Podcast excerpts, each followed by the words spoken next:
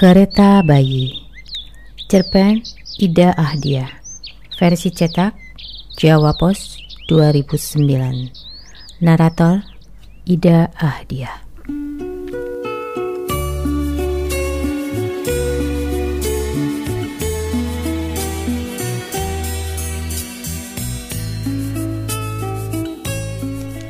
Ayu memberitahu Daniel seharian ia akan bersama Sophie yang punya kereta bayi bermerek dan bermodel sama dengannya. Warnanya merah muda, kereta bayi Sophie laki-laki. Ayu dan Daniel sempat berdebat soal warna itu. Tapi kemudian mereka berkesimpulan. Keliru mereka berdua menganggap merah muda hanya untuk perempuan. Lihat warna-warna kemeja, dasi, topi, sapu tangan, untuk laki-laki ada juga yang pink. Tiap hari, Ayu dan Sophie mengelilingi taman kota. Sophie mendorong kereta Kela, putrinya yang berusia 10 bulan. Sophie mendorong kereta Nathan 8 bulan. Keduanya merasa itu olahraga terbaik. Bergerak sambil menghirup udara segar, mengasuh anak, dan mengobrol. Ayu bukan tergolong yang suka seharian berada di gym, mendayung sepeda statik, sambil mendengarkan iPod dengan earphone dekat di telinga. Di musim dingin pun ia lebih suka skating dan main ski dengan pelindung dingin yang memadai. Apalagi di musim semi seperti saat itu. Ia tak mau kehilangan pohon-pohon lilac berbunga yang menyebarkan harum tak berkesudahan sepanjang hari dan malam hingga bunga-bunga layu disiram matahari musim panas. Sophie yang pernah memberimu keju tua yang baunya hmm, sudah kau buang ke tong sampah, ujar Daniel. Ayu tertawa.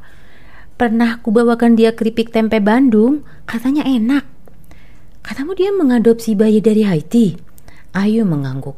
Anak keduanya dari Haiti.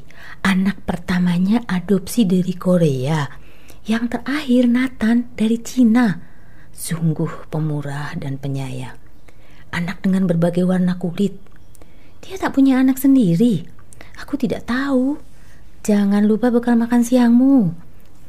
Tinggal buah yang belum kumasukkan ke kotak makan siangmu. Terima kasih. Daniel mencium dahi Ayu, mencium pipi Kayla di gendongan Ayu. Selamat berolahraga ya. Jangan keasikan ngobrol sampai lupa memberi makan siang Kela. Kapan-kapan di akhir pekan undang Sofi makan di rumah. Kita buatkan gado-gado. Akan kutawarkan padanya. Ayu menutup pintu.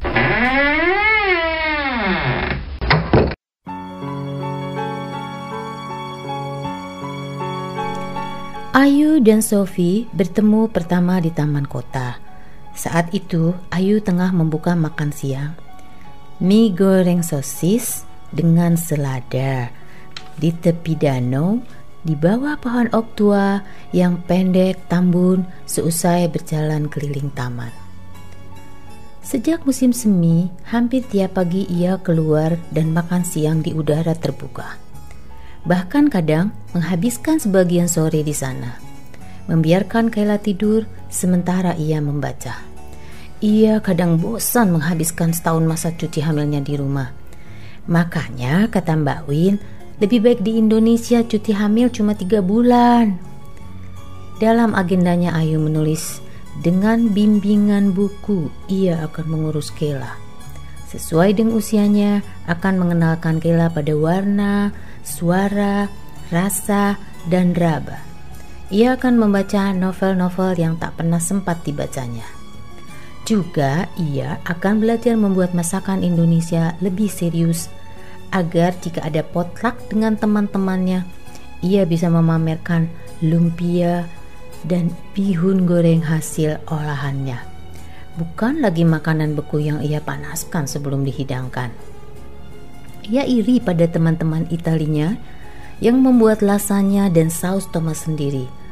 Juga membuat tiramisu yang lezat di dapurnya.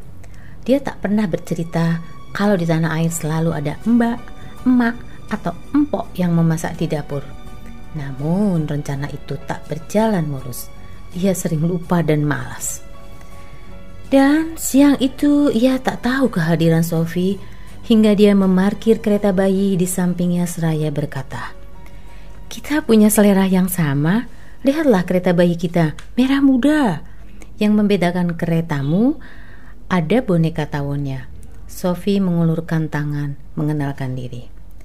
Seorang perempuan asing yang ramah, pikir Ayu, seraya mempersilahkan duduk bersisian di bangku taman. Lima menit kemudian, mereka sudah terlibat pembicaraan tentang anak, buku, makanan, pemilihan presiden Amerika, dan tentang lubang-lubang di jalan raya yang belum mendapat perhatian pemerintah kota. Setelah itu, setiap hari mereka bersama di taman. Kemarin, Ayu tersentuh mendengar Sophie bercerita tentang perjuangan mendapat Nathan. Teman-teman kaget waktu saya bisa mengadopsi Nathan hanya dalam waktu enam bulan. Biasanya butuh waktu sampai tiga tahun. Barangkali karena kau sudah pengalaman, mereka percaya. Itu bukan ukuran. Tetap saja saya harus mengikuti aturan. Saya harus sehat lahir batin, punya pekerjaan, punya tempat tinggal, tabungan, dan dianggap mampu mengurus anak seseorang dari dinas sosial akan datang berkunjung dan memantau apakah saya layak mengadopsi anak atau tidak. Kalau lu semua itu bukan? Sophie mengangguk. Tapi menurut aturan normal, tetap saja saya harus menunggu tahunan. Lantas apa yang kau lakukan? Menculiknya atau menyogok pejabat-pejabat terkait? Canda Ayu. Sophie tertawa. Saya pernah mengunjungi pantu asuhan di Cina. Ratusan ribu bayi menunggu untuk diadopsi. Tapi berapa banyak orang tua yang mampu? Bukan mau ya, tapi mampu mengadopsi. Keadaan mereka mengenaskan. Tidur berjejer, bertumpuk lebih tepatnya. Kurang gizi dan kebersihan tidak terjaga. Banyak bayi yang rambutnya berkutu. Kasihan Kupikir mereka tak keberatan jika kita menculiknya. Kau tertarik mengadopsi? Ayu menggeleng. Tak semua orang berbakat jadi orang tua asuh. Kela sudah cukup membuat aku dan suami bahagia.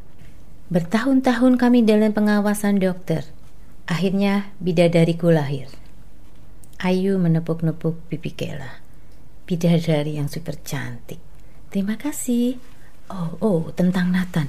Bagaimana kau mendapatkannya?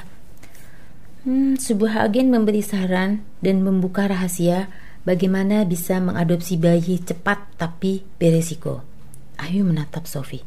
Kedengarannya serem betul. Seperti juga pakaian, ada juga bayi yang rejected. Maksudmu? Sophie belum mengerti. Bayi-bayi itu biasanya punya cacat fisik, jarinya tidak lengkap, bibirnya sumbing, kakinya kecil satu, telinganya tak sempurna, bayi-bayi ditampung di panti asuhan khusus karena nyaris tak ada orang yang mau mengadopsi. Itu sebab proses adopsiku cepat. Hayu menarik nafas. Apa yang terjadi pada Nathan? Kaki kirinya lebih kecil dari kaki kanannya. Perkembangan lainnya normal. Saya tidak keberatan saya mencintainya. Ayu ingin tahu apa yang akan terjadi jika kelak bayi yang ia adopsi cacat mental. Tapi pertanyaan itu ia urungkan. Sungguh luhur hatimu, beruntunglah Nathan memperoleh orang tua sepertimu. Ayu berajak hendak membuka selimut Nathan. Namun Sophie melihat jam tangan dan berteriak, Nyaris terlambat menjemput Mari. Ia mendorong Nathan berlari-lari kecil. Mari duduk di kelas 1 SD. Kata Sophie, ia masih dalam daftar tunggu untuk masuk after school program, tempat Mari melanjutkan kegiatan setelah jam sekolah. Dengan itu Sophie bisa menjemputnya senja hari sebelum pukul 6. Sampai besok, teriak Sophie. Ayu berujar pada dirinya, Sophie pantas menjadi ibu dari tiga anak adopsi. Ia dilimpahi begitu banyak energi, kasih sayang, dan Ayu berupaya mencari kata yang tepat untuk menggambarkan keikhlasan memilih bayi yang jarinya tidak lengkap. Hal pertama yang ia tanyakan kepada dokter ketika lahir adalah, apakah jari kaki dan tangannya lengkap? Nathan juga bayi yang baik. Ia lebih sering tidur pulas, tidak rewel, sementara Kela menjerit-jerit kalau pampasnya basah atau lapar. Menurut Sophie, jam tidur Natar panjang. Ia akan terbangun saat makan siang. Dua kali Ayu melihatnya terbangun dan menimangnya. Hari ini Sophie berjanji akan tinggal lebih lama dan makan siang bersama Ayu di taman. Sejak kemarin Mari sudah masuk after school program. Sophie tak perlu lagi menjemputnya sepulang sekolah. Ayu senang karena ia akan punya waktu lebih panjang bersamanya. Kehadiran Sophie membantunya menghilangkan rasa kangen pada ibu, bapak, Mbak Win, dan Mas Aryo. Mami dan papi mertuanya akan datang musim dingin bulan November. Saat itu, harga tiket murah dan akan naik lagi menjelang Natal dan Tahun Baru. Ayu akan membuat sandwich salmon untuk mereka berdua. Ikan kaleng itu ia campur dengan mayones, irisan seledri, daun bawang, lalu dibubuhi merica, garam, dan dua percik air jeruk. Lainnya ia membawa apel dan batang-batang wortel mentah. Ayu juga mengemas minuman dan makanan untuk Kela. Kela tidur lelap ketika pukul 10 Ayu mendorongnya keluar apartemen. Matahari musim semi hangat menyapu kulit.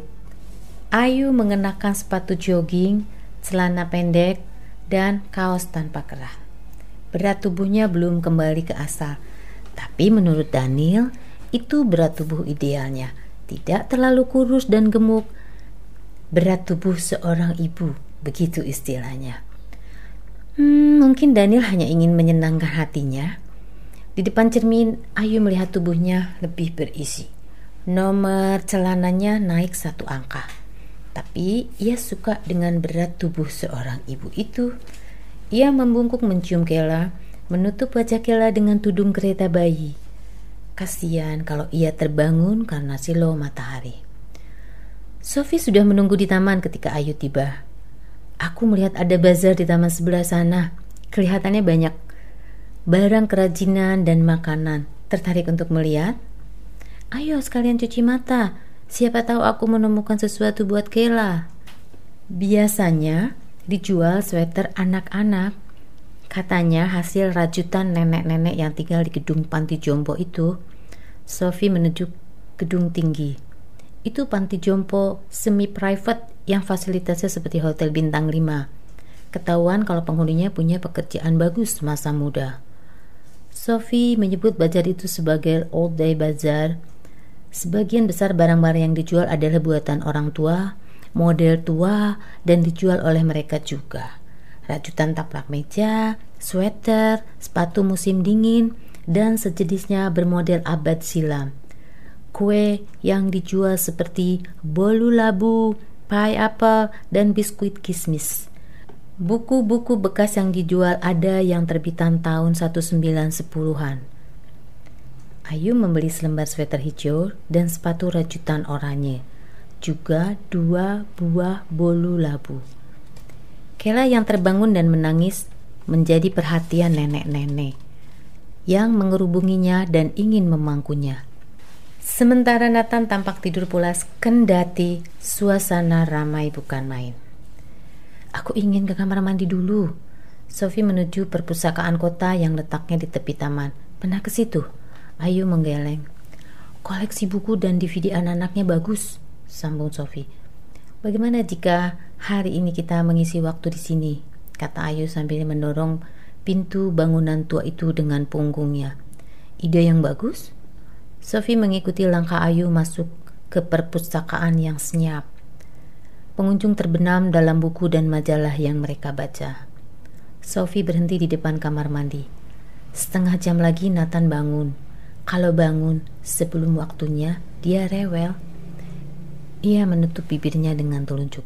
Oke, kata Ayu sambil memeriksa makan siang Kayla. tim ayam dan parutan wortel. Sementara Kela tambah gembira menarik-narik tawon mainannya yang digantung di atas kepalanya dan menimbulkan bunyi zzz, Ayu mencium gemas pipinya. Kamu ke kamar mandi juga, kata Sophie lima menit kemudian.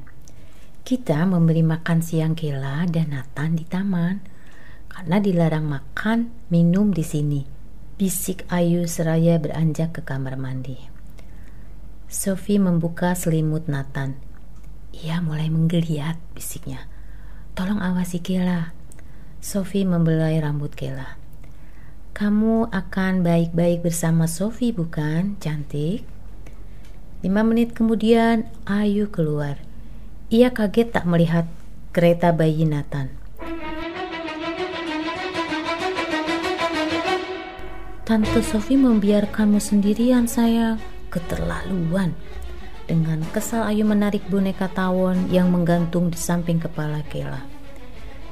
Ia menepuk-nepuk pipi Kela, membungkuk hendak menciumnya.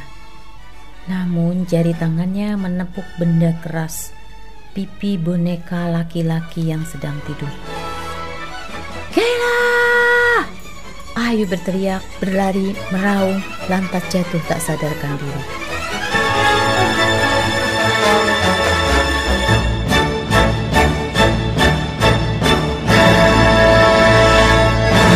Sastra suara ini dipersembahkan oleh divalitera.org.